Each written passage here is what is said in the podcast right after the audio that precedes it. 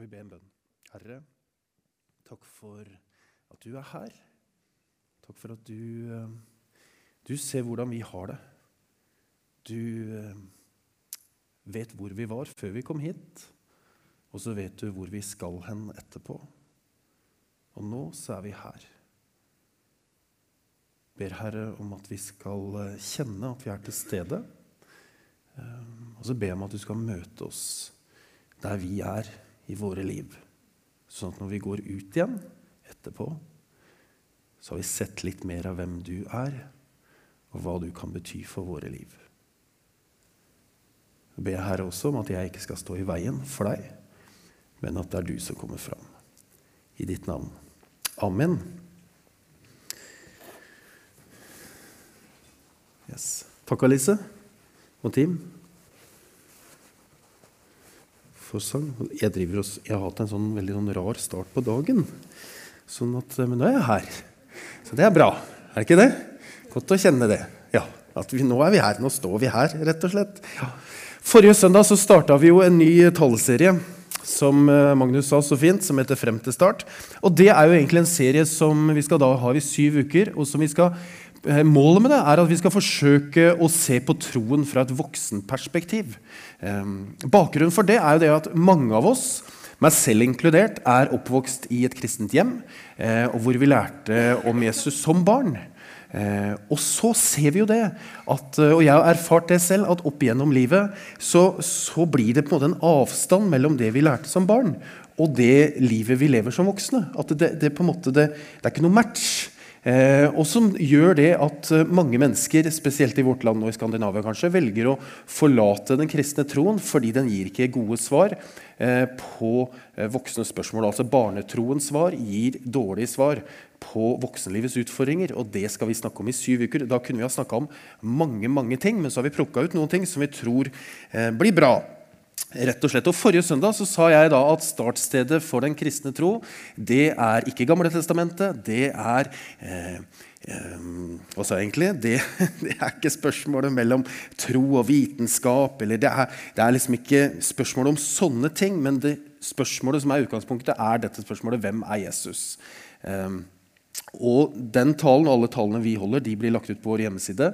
Eh, og også på podkast. Da kan du høre de igjen, eller høre de hvis du ikke har hørt de. Og så ligger det også et oppfølgingsark der på nettsiden, ikke på podkasten, som man kan eh, med noen rare spørsmål som du kan undre deg med alene, eller sammen med noen i smågrupper, f.eks. Og i dag så er overskriften 'Jesus og synd og sånn'. Og det er spennende.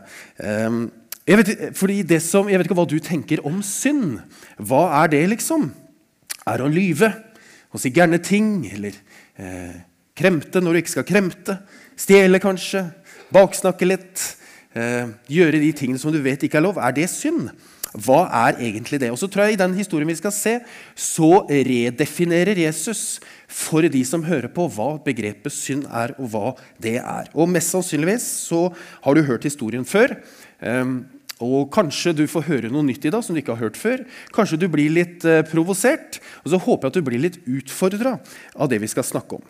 Uh, uh, og da, men det vi skal gjøre først, er at Reidun Mant hun skal komme opp og så skal hun lese bibelteksten i sin helhet. For det er ganske fint. og så skal vi lytte. Skal vi se.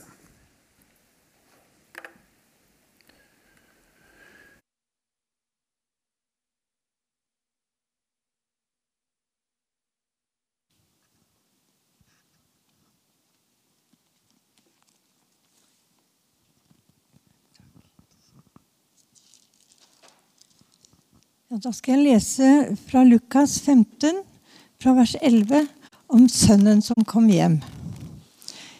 Jesus sa, en mann hadde to sønner. Den yngste sa til faren, 'Far, gi meg den delen av formuen som faller for meg.' Han skiftet da sin eiendom mellom dem. Ikke mange dager etter solgte den yngste sønnen alt sitt og dro til et land langt borte. Der sløste han bort formuen sin i et vilt liv. Men da han hadde satt alt over styr, kom det en svær hungersnød der i landet. Og han begynte å lide nød. Da gikk han og søkte tilhold hos en av innbyggerne der i landet, og mannen sendte ham ut på markene sine for å passe grisene. Han ønsket bare å få mette seg med de belgfruktene som grisene åt, og ingen ga han noe. Da kom han til seg selv og sa, Hvor mange leiekarer hjemme hos min far har ikke mat i overflod, mens jeg går her og sulter i hjel? Jeg vil bryte opp og gå til min far og si, Far, jeg har syndet mot himmelen og mot deg. Jeg fortjener ikke lenger å være sønnen din, men la meg få være som en av leiekarene dine. Dermed brøt han opp og dro hjem til faren. Da han ennå var langt borte, fikk faren se ham, og han fikk inderlig medfølelse med ham. Han løp sønnen i møte, kastet seg om halsen på ham og kysset ham. Og sønnen sa, 'Far, jeg har syndet mot himmelen og mot deg. Jeg fortjener ikke lenger å være sønnen din.' Men faren sa til tjenerne sine, 'Skynd dere, finn fram de fineste klærne og ta dem på ham.' 'Gi ham ring på fingeren og sko på føttene.'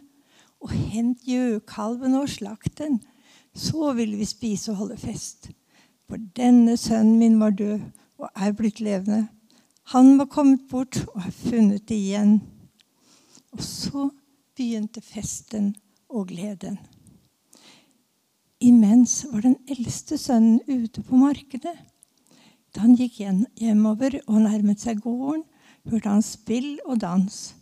Han ropte på en av karene og spurte hva som var på ferde. 'Din bror er kommet hjem', svarte han. 'Og din far har slaktet gjøkalven fordi han har fått ham tilbake i god behold.' Da ble han sint og ville ikke gå inn. Faren kom ut og prøvde å overtale ham, men han svarte faren. Her har jeg tjent deg i alle år, og aldri har jeg gjort imot ditt bud. Men meg har du ikke engang gitt et kje så jeg kunne holde fest med vennene mine. Men straks denne sønnen din kommer hjem, han som har sløst bort pengene dine sammen med horer, da slakter du gjøkalven for ham. Faren sa til ham, Barnet mitt, du er alltid hos meg, og alt mitt er ditt. Men nå må vi holde fest og være glade. For denne broren din var død og er blitt levende. Han var kommet bort og er funnet igjen. Så bra. Takk skal du ha, Reinen. Denne historien vi har hørt lest, det er kanskje det er en av de mest kjente historiene i Nytestamentet. så Det handler da altså om en far, eh, en eldre sønn en yngre sønn, og så er det en arv. Eh, og Historien er jo kjent som den bortkomne sønnen. Eh, men, om, men denne historien handler jo ikke bare om en bortkommen sønn. Den handler om en far som har to sønner. Og Begge disse to sønnene representerer to forskjellige måter å komme bort fra Gud fra. Begge to, sier Jesus med historien, blir åndelig fortapt. Eh, og hvorfor han sier det, skal vi komme tilbake til. Men først, hvem er det Jesus snakker til i denne eh, historien? Det er to grupper som han snakker til. Det står litt før. Eh, det ene er tollere og syndere, og det andre er fariseerne og de skriftlærde. Og hvem var dette? Tollerne og synderne de identifiserte seg med den yngre broren, altså han som reiste i historien. Det var, det var uh, han de identifiserte seg med. Fordi denne gruppen her med tollere og syndere de forholdt seg ikke til morallovene i samfunnet eller lovene som, som sto i den jødiske bibel. Og de levde da det som Jesus kaller for ville liv. Eh, I den betydning at de forlot liksom det tradisjonelle og sånn det skulle være. Eh, og så gjorde de sånn som de ville. Og Det var veldig mange i det jødiske samfunnet som ikke likte disse. Og det var egentlig helt uhørt at Jesus var sammen med dem i det hele tatt. Eh, men de var der. Og Den andre gruppen av lyttere er da fariseere og de skriftlærde. og Det er jo motsetningen. Det var liksom eldstebrødrene. Det var de som kunne Skriftene. Det var de som gjorde alt i sin makt for å holde disse morallovene eh, som Gud hadde gitt i Det gamle testamentet. Og De lovpriste Gud og var i tempelet, og de ba trofast og gjorde det de kunne da, for å holde Guds lover. Og Til den, disse to gruppene så forteller Jesus egentlig tre lignelser. For den Historien starter med at han forteller om en kvinne som mister en mynt. og Så forteller han om en bonde eller en gjeter som har 100 sauer, og så forsvinner den ene. Eh, og Så leter han etter den. Og Den siste er da denne mannen som har disse to sønnene, hvor den ene sønnen reiser. Den yngre generasjonen, eller liksom den gruppa med toller og syndere, de flokka seg jo om Jesus. Og Dette var en kjempeutfordring for de skriftlærde og fariseerne. For de lurte på hvorfor i all verden er dere sammen med han? Hvorfor kan dere ikke komme på våre møter? liksom? Hvorfor kan dere ikke være sammen med oss? Hvorfor må dere liksom henge med Jesus? Hva er det han sier? liksom? Hva er det han gjør? Og så blir de jo både provosert og nysgjerrig for hvorfor han er sammen eh, med denne gruppa. Eh, når man leser teksten, så ser man jo at Jesus forteller dette til begge gruppene. Både til tollere og syndere og til fariseerne og de skriftlærde. Men det er mulig å spørre når vi leser en sånn tekst som dette, hvem er det Jesus egentlig forteller denne historien til? Hvem er det egentlig han ønsker å nå? Og Først og fremst så tror vi at det er fariseerne og de skriftlærere. Hvorfor det? For det står I begynnelsen av dette kapitlet så står det de murret. Altså De var så irritert på at Jesus hang med disse. Eh, at, at de murret, de blir sinte, frustrerte. Og da står det at da forteller Jesus dem denne lignelsen. Jeg har jo vokst opp med denne historien. Den bortkomne sønn. Eh, og så har jeg alltid vært liksom fascinert og blitt liksom grepet av at det er mulig. Eh, at Guds kjærlighet rekker seg så langt at man kan forlate alt eh, og leve et vilt liv langt borte. Og så tar Jesus også imot med sin store nåde og kjærlighet. Det er rom alltid, og da blir det fest. og sånt. Det som har vært litt trist for min del, er jo det at jeg har jo aldri vært en sånn bortkommen sønn. Jeg har liksom aldri vært, aldri, liksom, aldri vært der. Sånn at, og det har jeg på en måte litt sånn savna òg, egentlig. At jeg ikke har liksom hatt en sånn ordentlig sånn omvendelse jeg kan si liksom, det var da, og da så det blei meg, liksom, og da blei det fest og greit. Og det er, det er, jo mer en parentes, kanskje. Um, det. Men det som er poenget er at hvis vi bare fokuserer på første del av historien om den bortkomne sønn um, så blir det egentlig bare en sentimental kjærlighetshistorie som vi syns er fin og vakker. Og hvor vakkert det er. Og så er det jo sånn at Mange av oss har både familie, men venner og kolleger og folk som har vært i ungdomsmiljøet før, og ting, folk vi tenker på, som vi ser på litt som bortkomne sønner. Og hvor våre største bønner går på å få disse folkene tilbake igjen. Og dette taler Jesus til, og det viser den første delen av historien. Men historien er så mye mer enn det. Um, ja. En som, når jeg også leser dette, er at Jesus han er egentlig ikke så opptatt av umoralen til de på utsida. Til de som er borte. Han er ikke det. Vi er jo det ofte. Men han er mer opptatt av liksom, moralismen til de på innsiden. De som alltid gjør rett, og de loviske, og de som, eh, de som alltid gjør rett.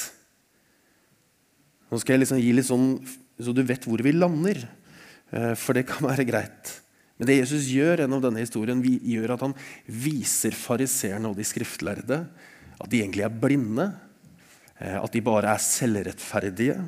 At de har et utrolig smalt fokus. Eh, og ikke minst hvordan, eh, gjennom hvordan de er. At de ødelegger ikke bare for seg selv, men de ødelegger for også for de som er rundt dem. Og det er ikke så, det er ikke så lett å få øye på ved første øyekast. Jeg henger meg ofte opp i hva som er gærent i verden. Jeg sa det sist på onsdag til noen som jeg satt i en sånn gruppe i Ørebro. og Så spurte de hvordan kan du si det. Så sa jeg ja, verden er jo gal. vet du. Og vi, det blir jo litt sånn, vi henger oss opp i det gærne på utsiden, og så snakker vi om vi her inne og de der ute. Og Da er det jo mye bedre å isolere seg og være oss i en sånn intern klubb. Um, og det, jo, det, fører jo til at det er mange av de da som står på utsiden, som ser på oss på innsiden som bedre vitere og eh, eh, mørkemenn kanskje, og fordomsfulle. At vi liksom vet best. Det er altså en misforståelse det at denne historien her om den bortkomne sønn først og fremst handler om den sønn som ble borte, og som kom hjem. Det handler om mye mer enn det. Og Når de religiøse og fariseerne hører denne historien, så blir de jo ikke akkurat sånn veldig happy, tror jeg. Det er ikke sånn at de blir kjempevarme om hjertet og tenker 'flott, Jesus'. Jeg tror de blir fornærma og sinte. Fordi historien avslører jo det selvsentrerte livet som han som reiser bort, Eh, lever. Men det fordømmer jo også veldig den moralismen som den eldste sønnen som er hjemme, viser. Du vet at Når en far delte eiendommen sin på den tiden mellom to sønner, da er det jo litt sånn som i dag. Da deler man de to, og så får man en halvdel hver. Det som var Problemet i dette tilfellet var jo det at den sønnen som ba om det, han ba om det litt for tidlig. Fordi faren var jo ikke død ennå. Så det var litt tidlig. Eh, og I den kulturen så påførte jo det veldig skam eh, at en sønn ikke ville ha noe med faren sin å gjøre. Og jeg ville jo egentlig bare at du skulle vært død. Det var jo egentlig det han sa.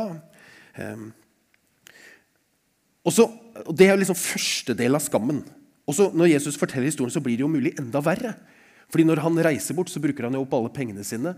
Og så gjør han da noe helt utenkelig. Det er jo det at han starter å fòre griser. Og Jødene vil jo ikke ha noe med griser å gjøre. Og så begynner han å spise maten som, som, eh, som grisene spiser. Og da er skammen på et båndpunkt. Men det som er fascinerende i historien Det er mange ting som er fascinerende i historien. jeg hører Det Det er kanskje litt på sånn nerdenivå. Men, men noe av det som, er, som jeg legger merke til, er faren. For dette er jo en gammel mann. Og så står det at han løper sønnen i møte. Og det var jo egentlig uhørt at gamle menn skulle løpe. Håper ikke at dere som er eldre her, løper, for det skulle man ikke gjøre. Det var liksom mot deres verdighet. Det var jo fornedrende i seg selv at Jesus sa at han kom dem løpende i møte. Eh, og så sier han da eh, For denne sønnen min var død og blitt levende. Han var kommet bort og er funnet igjen, og da blir det fest. Og når den eldre broren får høre at sønnen er kommet hjem, broren hans er kommet hjem, og nå har pappa satt i gang fest, liksom, så blir jo han rasende. Han blir kjempesint. Og Da blir det jo hans tur til å være respektløs mot faren igjen. Så nekter han å bli med på festen, han nekter å gå inn. Han blir stående på utsiden, og faren må da forlate sin egen fest, gå ut igjen og snakke med faren. Nei, med sønnen, og sønnen viser jo offentlig at han også har fullstendig mistillit til sin far. Hva er det du driver med? Så kan man jo lure på Hvorfor er sønnen så sint? Og liksom Det første som slår ham, er jo liksom, at det er jo pengene, selvfølgelig. Fordi nå har han, jo, han har jo brukt opp halvarven, det er jo borte. og da var jo liksom siste halvparten som var til han bror. Da må han jo dele den igjen, da. Det blir jo enda mindre. Og det er jo få ting som gjør oss så sint i verden som liksom urettferdighet ved penger. Da kjenner vi jo liksom det rykker i magen, hvis det er noe greier. Det får liksom fram det verste. Og sønnen sier jo det. Altså, her har jo jeg tjent deg, pappa, i alle år. Aldri har jeg gjort imot ditt bud. Men meg har du ikke engang gitt et kje, så jeg kunne holde fest med vennene mine. Men straks denne sønnen din kommer hjem, han som har sløst bort pengene dine sammen med horer, da slakter du gjøkalven for ham. Jeg kunne sagt mye om det med gjøkalv. Altså. Men det verste er for skjønn er jo at altså, Jeg har jo alltid vært trofast mot deg. Jeg har jo alltid gjort sånn som du vil, og nå har jeg fått rett rettigheter.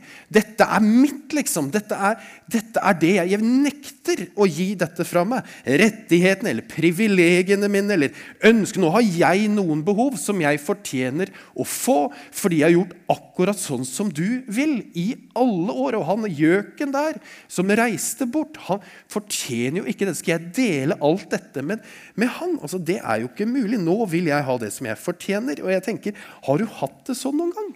Ja, det har jeg.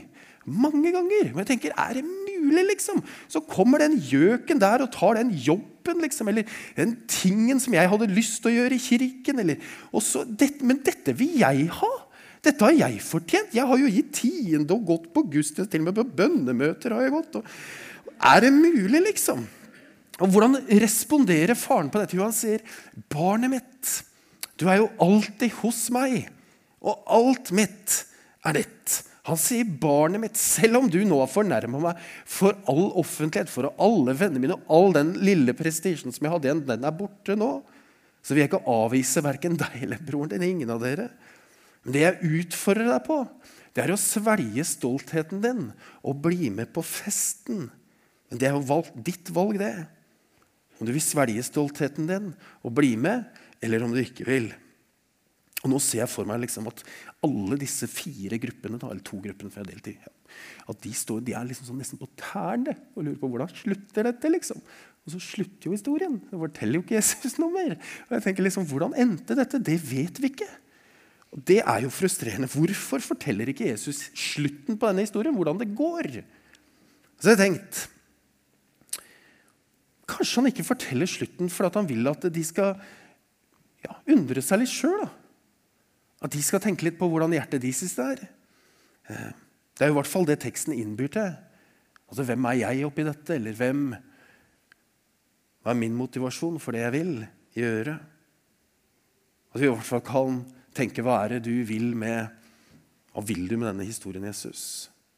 Jesus redefinerer synd for fariseerne og skriftlærde i denne historien her.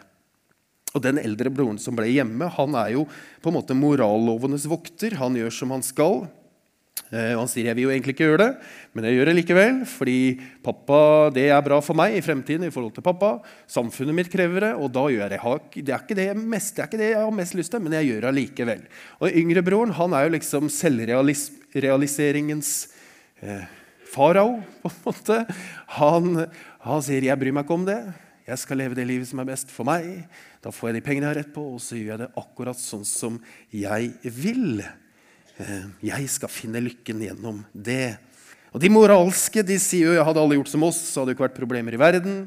Og de andre sier, eller de selvrealiseringsfolka sier jo det at ja, hvis, hvis ikke disse hadde vært så bedrevitere og, og fanatiske, så hadde jo alt vært fint. Det er jo de som er problemet i verden. Og begge sier jo egentlig at det er den andres feil. Og Jesus sier da begge tilnærminger er feil. For det som overrasker i historien, er jo det at han som gjorde alt feil, han som forlot faren, han som brøyt med han, han som brukte opp alle pengene, hadde sex med prostituerte eh, og spiste grisemat og kom hjem igjen, han ble jo invitert inn til festen. Mens han som gjorde alt riktig, han nekta å gå inn. Og han begrunner det med dette at 'aldri har jeg gjort imot ditt bud'.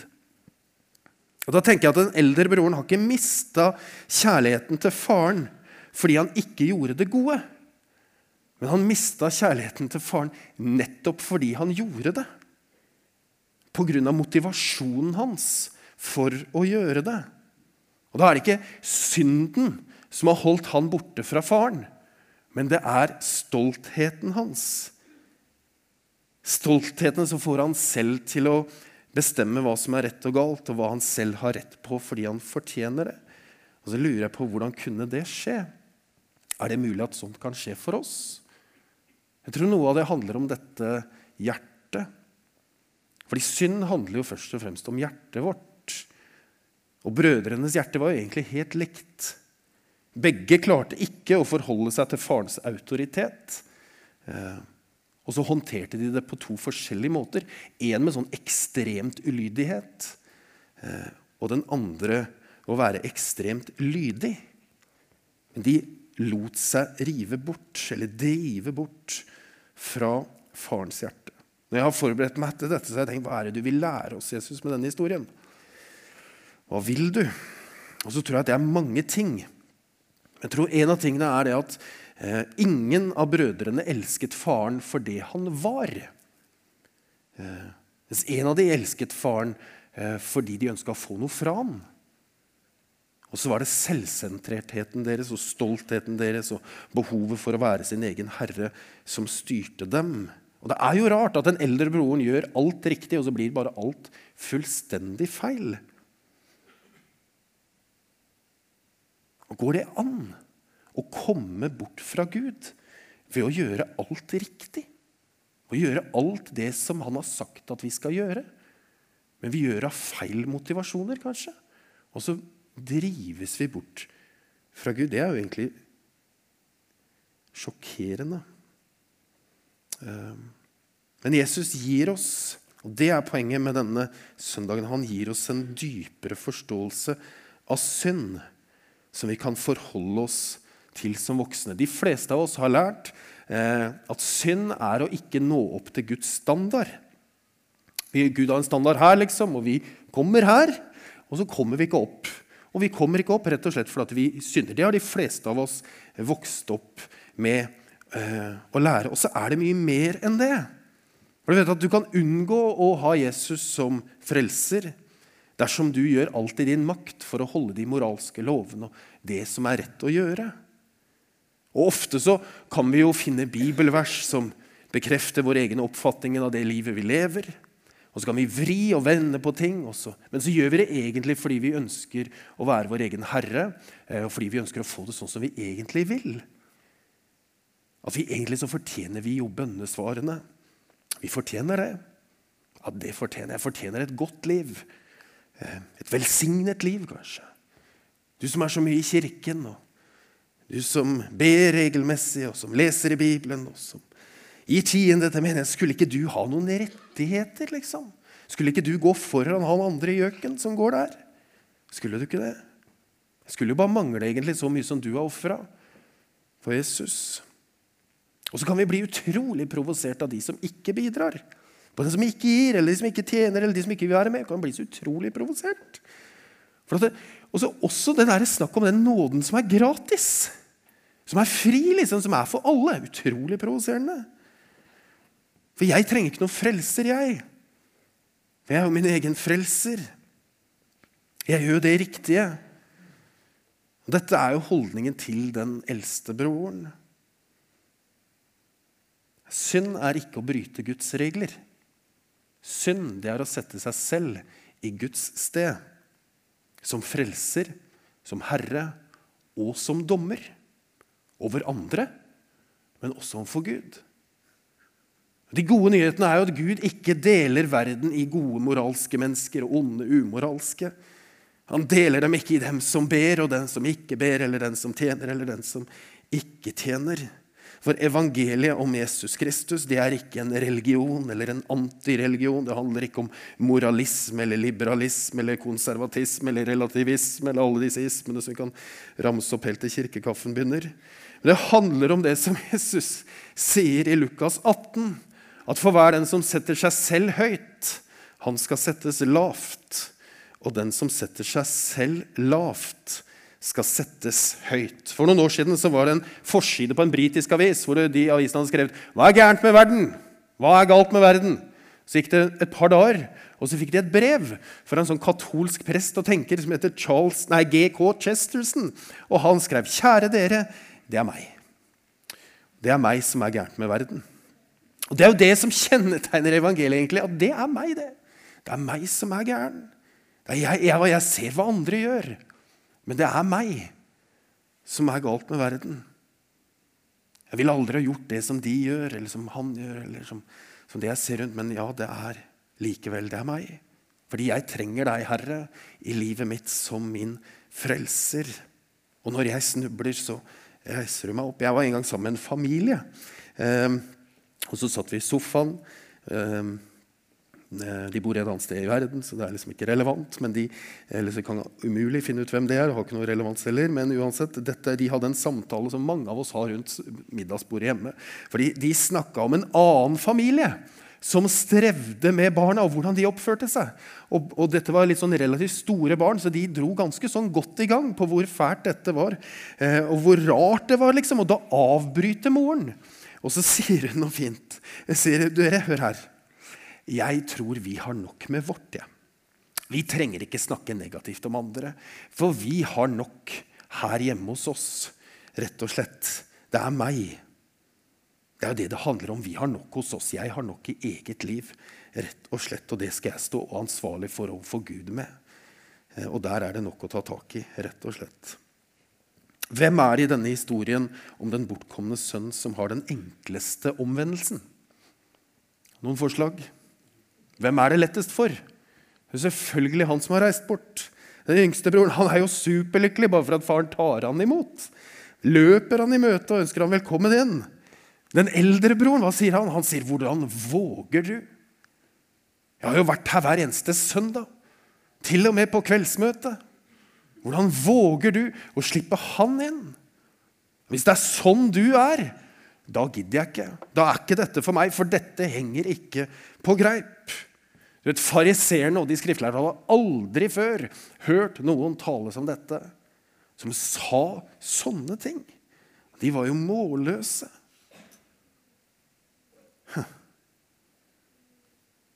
I dag så har jeg en utfordring til deg. Den er ganske enkel.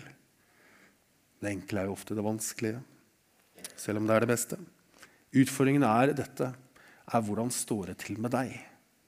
Det er min utfordring til deg. Hvem er du, liksom? Hvordan er ditt moralske kompass?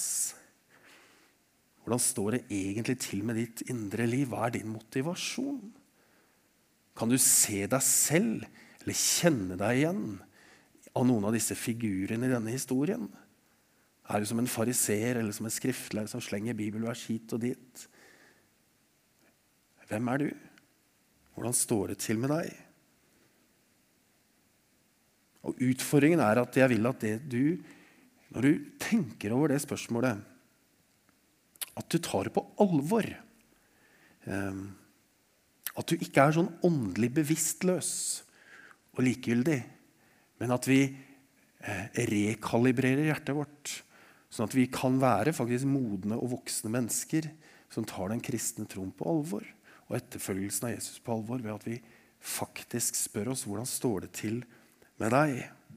Og så står Jesus her i dag. Vi tror han er her med sin ånd og med sin grenseløse kjærlighet og nåde og ønsker å ta oss imot.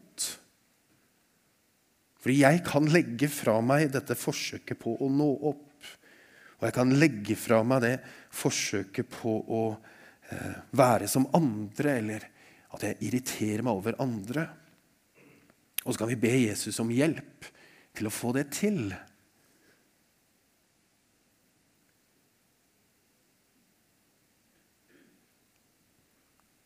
Og da skal vi reise oss, faktisk, mens Alice og teamet kommer opp. Og så skal jeg si noen ting avslutningsvis.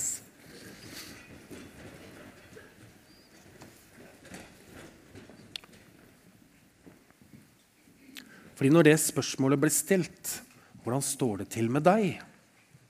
Så står det en annen i enden av dette svaret og sier at 'jeg tar deg imot der du er'.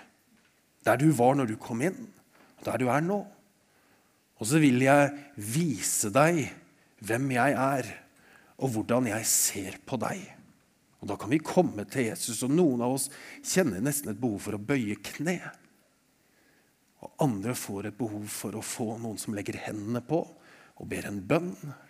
Og noen får bare et behov for å sitte og kjenne og ta imot. Og så er du helt fri nå til å gjøre det du trenger for å granske dette spørsmålet. Hvordan står det til med meg, da? Og mens vi gjør det, så kommer noen av oss til å stå nede i hjørnet der nede i hjørnet og kan legge hånd på deg hvis du vil det. Du kan skrive bønnelapper, og du kan tenne et lys. Eh, og så er dette et verksted, dere, hvor vi tror Gud er og taler til oss inn i våre hjerter. Skal vi be en bønn? Far i himmelen. Takk for at du er her ved din ånd. Takk for at du har bevart disse historiene og fortellingene som gjør at vi kan se hvor rik du er. Og så vet du hvor dette lander i våre liv. Og så ber jeg om at du skal hjelpe oss til å forvalte det, sånn at vi kan utvikle og vokse i vår tro og kjærlighet til deg. Takk for at ingenting er for galt å komme til deg med. Takk for at du står ved vår side og tar oss imot sånn som vi har det. Velsign denne stunden i Jesu navn. Amen.